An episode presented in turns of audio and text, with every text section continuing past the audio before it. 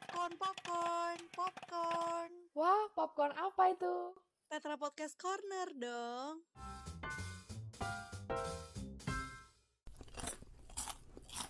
Hai guys, kembali lagi nih sama kita di podcast Petra Podcast Corner dan spesial hari ini for the first time kita offline nih. Yeay. Seru banget. Ini kita izin lepas masker dulu ya. Oke. Biar kelihatan cantiknya. Dan bisa teman-teman lihat di sini kita berada di ruangan podcast yang super keren. Kita ada di ruangan podcast E ILTC. Excellent in Learning and Teaching Center dan sesuai namanya ILTC ini lembaga yang mendukung nih kegiatan belajar baik dosen maupun mahasiswa dengan menyediakan fasilitas-fasilitas kayak gini dan bagi buat dosen maupun mahasiswa yang ingin karya bisa banget ya menggunakan tempat-tempat di ILTC ini kayak kita sekarang. Dan Yeay. kita sekarang pas-pasan nih tanggal 1 Juni Hari Pancasila kita pengen ngobrolin nih pertanyaan-pertanyaan yang sering ditanyakan yaitu masih relevan gak sih pelajaran Pancasila di kampus buat mahasiswa, buat generasi milenial? Kita masih berguna gak sih pelajaran Pancasila itu dan kita bakal ngobrol bertiga ada aku Monica Gabriela dari Content Support Ada aku Patricia Jenis dari CSD Dan ada aku Nicole Jolie dari Content Support. Oke langsung aja ya gimana nih Jen? Oke, tadi kita ngomongin tentang Pancasila, kehidupannya relevan nggak sih sama kita mahasiswa? Menurutku sa- masih sangat relevan ya, karena Pancasila itu adalah dasar negara, sedangkan kita generasi milenial itu adalah tombak negara. Negara kita Indonesia ini lagi banyak banget nih generasi milenialnya. Jadi supaya kita bisa meneruskan itu penerus-penerus kita, kita perlu tahu sih tentang dasar negara itu apa, tentang Pancasila itu sendiri. Yes, jadi kayak kita punya dasar value diri yang kuat ya Iya. yang kita pegang untuk kita berkembang di perkuliahan apalagi nextnya nanti di dunia kerja untuk kita. Menurut Nicole gimana nih? Kalau menurut aku juga sama ya, karena kita kan sebagai generasi penerus tentunya juga eh, dasar-dasarnya itu harus paham lah untuk eh, ke depannya bisa kita lebih siap lagi untuk mengurus negara ini. Yes, dan sebenarnya kalau memang teman-teman perhatikan kita di kita breakdown sila-sila di dalam Pancasila tuh sebenarnya relevan banget loh di kehidupan kita dan kita bisa implementasikan banget kayak mulai dari sila pertama misalnya. Iya ketuhanan yang maha esa, karena kan seperti yang kita tahu ya teman-teman, eh, kita itu nggak bisa banget bersandar cuma sama manusia nih, kita juga harus Yes. bersandar kepada kekuatan yang lebih besar dari mana daripada manusia yaitu kepada Tuhan. Kayak gitu. Ya, dan di UKP pun di perkuliahan kita pun eh, punya value yang juga menanamkan nilai-nilai ketuhanan di mana kita punya iman dan eh, setiap arah tujuan kita itu juga selalu diingatkan untuk eh, berpegang pada yang namanya Tuhan. Dan kalau sila kedua Oke, kalau menurutku sila kedua juga masih sangat relevan dengan kehidupan kita. Apalagi sekarang ini zaman persaingannya tuh makin ketat gitu ya. Nah, kita jadi karena makin ketat pengen nomor satu, kadang-kadang kita jadi kurang memanusiakan manusia yang lain gitu kan ya. Betul. Nah, sila kedua ini menurutku mengajarkan kita supaya kita tuh bisa menghargai, memanusiakan manusia yang lain supaya nilai-nilai dalam diri kita juga mungkin bisa dihargai juga oleh orang lain gitu kan ya. Kalau kita mau mau dihargai, kita juga perlu menghargai kayak gitu sih. Mm-mm, betul banget karena nggak bisa dipungkiri ya di semakin bertambahnya umur kita di perkuliahan itu pun udah banyak banget yang namanya persaingan. Kita bersaing sama orang-orang lain dan ketika kita nggak punya sila kedua kemanusiaan ini kemanusiaan yang adil dan beradab itu kita bisa jadi pribadi yang membahayakan gitu loh. Karena untuk diri kita maupun orang lain. Karena di tengah persaingan yang hebat-hebatnya ini eh, ketika kita mengimplementasikan sila kedua ini kita aku yakin banget sih kita bakal jadi pribadi yang berintegritas lah. Dan apa yang kita lakuin itu tuh eh, kasarannya baik dan kita melihat seke- sekitar kita nggak cuma diri kita sendiri gitu. Bener banget, apalagi sila kedua ini menurutku relevan banget sama sila yang ketiga di mana persatuan Indonesia yaitu meninggikan toleransi gitu ya Ci. Mhm. Jadi suka banget karena ya Pancasila ini tiap silanya itu relevan banget sama kita terus kayak saling berhubungan dan memang eh, sangat penting banget untuk kita sebagai manusia untuk memiliki toleransi. Iya, apalagi Indonesia banyak banget gak sih perbedaannya, Iya. ragam budaya semuanya kayak eh, nggak cuma nggak seluruh Indonesia deh kasarannya. Di perkuliahan aja tuh banyak banget perbedaan yang kita temui Iya, ya dan banget. eh, ya toleransi itu penting banget sih dalam kita harus punya pegangan untuk bisa bertoleransi yang tinggi antara sesama yang perbedaan-perbedaan itu. Apalagi generasi milenial kayak ya kita berprestasi kita berbuat sesuatu yang baik itu juga akan membanggakan nama Indonesia nggak sih? Dan itu akan membuat lagi persatuan dan semakin kuat lagi nih Indonesianya Iya. Apalagi kan kita sebagai manusia nggak mungkin ya kerjanya sendiri gitu ya, harus Iya. kan sama orang lain juga. Sila keempat, kerakyatan yang dipimpin oleh hikmat kebijaksanaan dalam permusyawaratan perwakilan. Em, gimana nih? Kalau Denis? menurutku ini juga relevan. Kita kalau ngomongin tentang kerakyatan yang dipimpin oleh hikmat kebijaksanaan dalam pemusyawaratan perwakilan, itu kayaknya cocok kita-kita kalau yang di organisasi gak sih? Oh, Iya, iya. Iya nggak sih? Bener, Iya bener, kan? Iya. Nah di organisasi kita diajarin bagaimana mungkin strukturnya, dia diajarin kira-kira real- realitanya di pemerintahan mungkin ya. Yes. Itu juga bisa kita lihat pada saat kita berorganisasi sih. Betul betul karena eh, organisasi atau panitia nggak harus yang besar-besar juga pasti di panitia-panitia kecil pun kita juga belajar yang namanya musyawarah. Ngambil yang namanya mengambil keputusan itu harus bersama gak semena-mena dengan keegoisan diri sendiri. Kita harus mentingin kepentingan bersama kebaikan bersama dengan musyawarah itu. Iya. itu relate banget sih. Dan yang terakhir keadilan sosial bagi seluruh rakyat Indonesia. Ya ini sama juga ya menurut Nicole sama kayak yang sila kedua di mana kita sebagai manusia harus manusiakan manusia dengan cara yang adil nih, nggak boleh membeda-bedakan juga dengan latar belakang yang berbeda-beda itu. betul dan Iya. em, di tengah apa perkembangan ini pun dengan persaingan-persaingan itu kata adil itu mungkin semakin tipis ya Iya. semakin kayak eh, krisis nih kata keadilan itu karena ya banyak lah orang mengambil jalan pintas untuk menjadi tidak adil sama orang lain untuk mendapat keuntungannya sendiri ya kan dan itu bisa bahaya banget kalau kita nggak sadar dan nggak nggak punya pegangan yaitu dari dasar ini gitu Hmm, bener-bener. Dan juga nanti masyarakat susah nih untuk sejahtera gitu kan ya. Iya betul banget. Ya apalagi generasi milenial ya kayak kita ini di tengah perkembangan zaman yang juga diikuti dengan perkembangan teknologi yang gila-gilaan itu tuh banyak banget yang menyebut kita generasi instan. Banyak banget stereotip yang menyebut kayak generasi kita instan, maunya instan, kurang berusaha segala macam.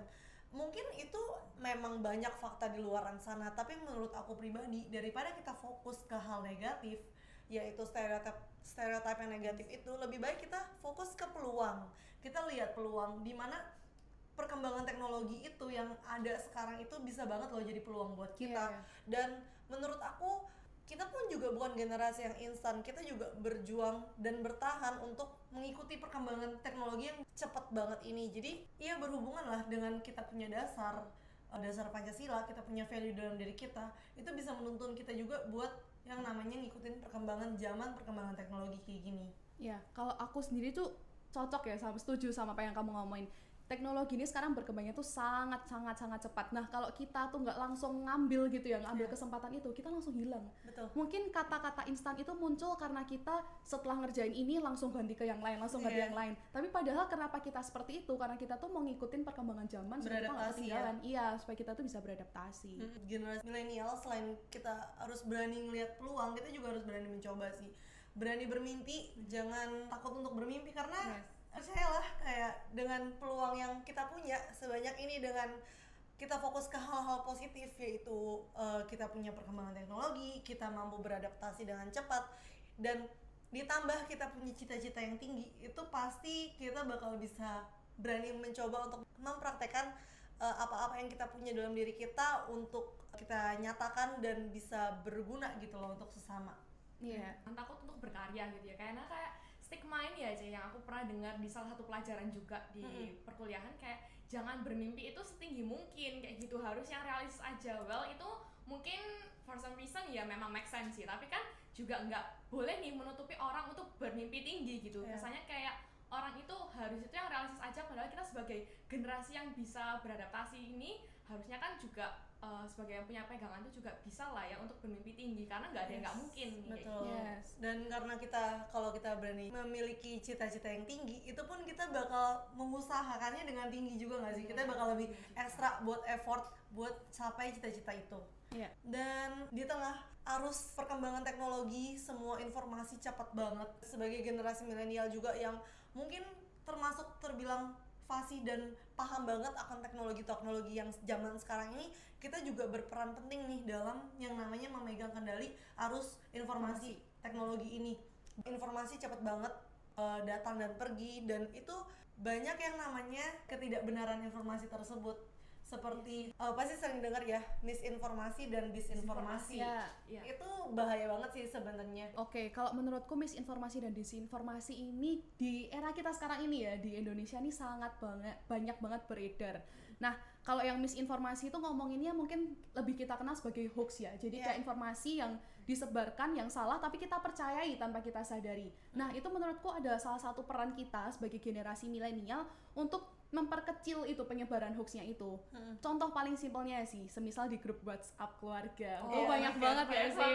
Nah, nah waktu itu aku juga pernah dengar si uh, Kak Najwa gitu ya berpesan kepada kita, kita generasi yang melek teknologi, yang paham banget akan teknologi, ayo kita mau gitu ya untuk bisa mem- meminimalisir uh, penyebaran hoax itu sendiri. Jadi kalau semisal kita tahu nih grup keluarga kita kok kayaknya ini nggak bener ya, langsung aja kasih informasi, jangan dibiarin gitu ya, Iya, supaya nggak semakin ke forward seperti Hmm. itu. Dan kalau disinformasi menurutku setauku nih ya itu ada memang suatu penyebaran informasi yang salah tapi disengaja disebarkan untuk suatu tujuan tertentu.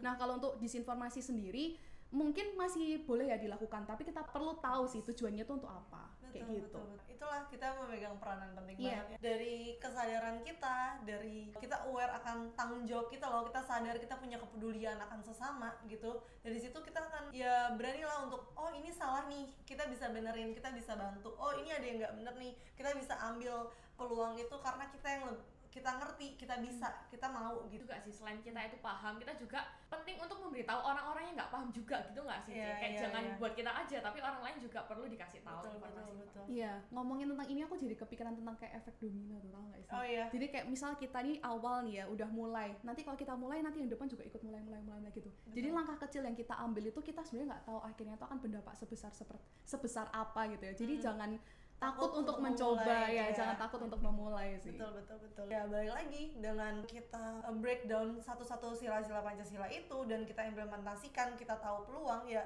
Menurut aku Pancasila itu masih benar-benar relevan banget buat generasi kita, generasi milenial yang di tengah perkembangan zaman arus uh, teknologi, perkembangan zaman semuanya. Kalau misalnya kita nggak punya pegangan yang kuat itu bisa membahayakan dan uh, susah banget nih buat kita bertahan Iya.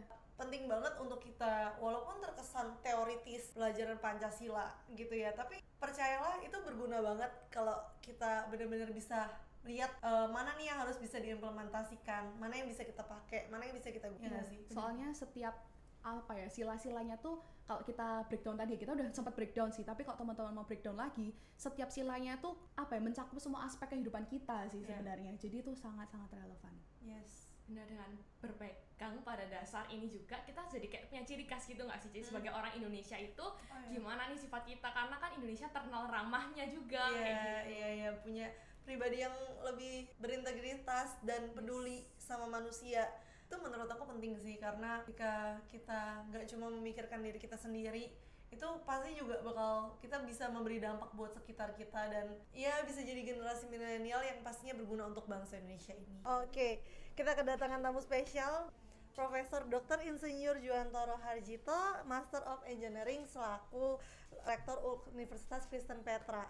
Nah Pak, spesial nih di 1 Juni di Hari Pancasila ini kita pengen menyadarkan bahwa Pancasila itu masih relevan banget buat generasi milenial di mana ketika kita mampu melihat peluang dan mengimplementasikan nilai-nilai dasar Pancasila kita percaya kita bisa jadi generasi yang berintegritas mungkin Bapak bisa kasih pesan-pesan nih buat mahasiswa supaya bisa berani uh, untuk mencoba untuk berprestasi dengan punya nilai-nilai yang dasar yang penting itu Pak Oke, thank you. Sorry, Monica Monica, terima kasih. Jadi satu momen yang luar biasa. Eh, teman-teman yang eh, teman-teman khususnya Petra Nation mahasiswa ya, Iya. ya senang bisa menyapa kalian semua.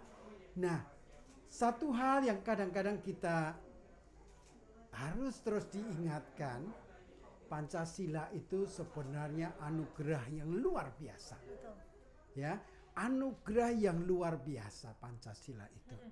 Nah, karena itu sering disebut juga ini salah satu pilar Iya. ya pilar kebangsaan kita. betul Pancasila itu luar biasa. Kadang-kadang kita itu kan baru tahu bisa menghargai sesuatu yang luar biasa ketika kita kehilangan. Betul Iya, ya? Betul Pak. Betul. Nah, saya sendiri menyadari betapa luar biasa dan berharganya Pancasila ketika saya tinggal di luar negeri. Oh oke. Ya, Oh. hah. ya saya sempat melanjutkan studi empat tahun di Australia, kemudian sempat lima tahun di Malaysia. Oke. Saat itu baru kemudian saya tersadar Pancasila itu luar biasa. Hmm, dalam bentuknya yang sekarang. Iya. ya itu menjadi uh, apa ya harta yang luar biasa. Dan memberikan kesempatan sebenarnya kepada setiap generasi muda untuk mengembangkan semua potensinya dengan seluas-luasnya dalam lingkungan yang sangat heterogen Iya. seperti Indonesia ini. Betul betul. Oke, Oke. itu. Terima kasih banyak ya Bapak. Terima kasih. Monica luar biasa pesan-pesannya. juga terima kasih untuk teman-teman Petranisian mahasiswa semua. Tuhan memberkati. Iya, terima kasih. Thank terima you. kasih Pak. Thank you. Oke, wah menarik banget ya kita dapat kesempatan mendengarkan pesan dari Bapak Rektor, Bapak Johan Toro dan menurut aku pesannya tuh benar-benar bermakna banget walaupun singkat tapi benar-benar Menyentuh. menyentuh banget sih karena ya beliau memiliki pengalaman yang lebih ba- lebih jauh lebih banyak daripada kita. Beliau pernah hidup lama di luar negeri, di luar Indonesia dan merasakan benar-benar bahwa Pancasila itu tidak ada gitu loh di luar Indonesia dan merasakan bahwa berartinya sekali Pancasila itu dalam kehidupan kita pribadi kita value-value yang tertanam dari eh, perilaku kita gitu. Oke, berarti kalau mendengar dari pesan itu kita sebagai generasi milenial punya tugas gitu ya untuk mempertahankan agar Pancasila itu tetap ada Betul. sampai kita tua nanti sehingga generasi di bawah kita tuh bisa merasakan Pancasila itu. Betul. gitu. Betul. Juga selain uh, kita harus menghargai dan juga mempertahankan juga gitu ya karena kan ini merupakan Pancasila bisa dibilang untuk salah satu ciri khas Indonesia juga ya Iya. sebagai uh, warga negara Indonesia kita harus bangga nih punya Pancasila. Betul banget dan jadi para generasi milenial ayo kita terus kembangkan, kita implementasikan Pancasila di dalam kehidupan kita supaya kita jadi pribadi yang berintegritas dan kita menjadi warga Indonesia, bangsa Indonesia yang pastinya semakin maju. Oke, sekian obrolan kita hari ini. Thank you banget semuanya. Seru Oke, banget, berkesan you. banget obrolan-obrolan kita. Semoga para pendengar juga jadi dapat something yang baru lagi. Pendengar bisa merasakan lagi dampak-dampak baik dari obrolan kita hari ini. Obrolan singkat, obrolan simple tapi Ber- berma- bermanfaat banget, Iya, bermanfaat banget. Oke. Dan jangan lupa untuk berkarya ya teman-teman. Iya, jangan lupa untuk selalu berkarya jadi generasi milenial yang mantap. Oke, thank you guys. Thank you. See you guys. See you.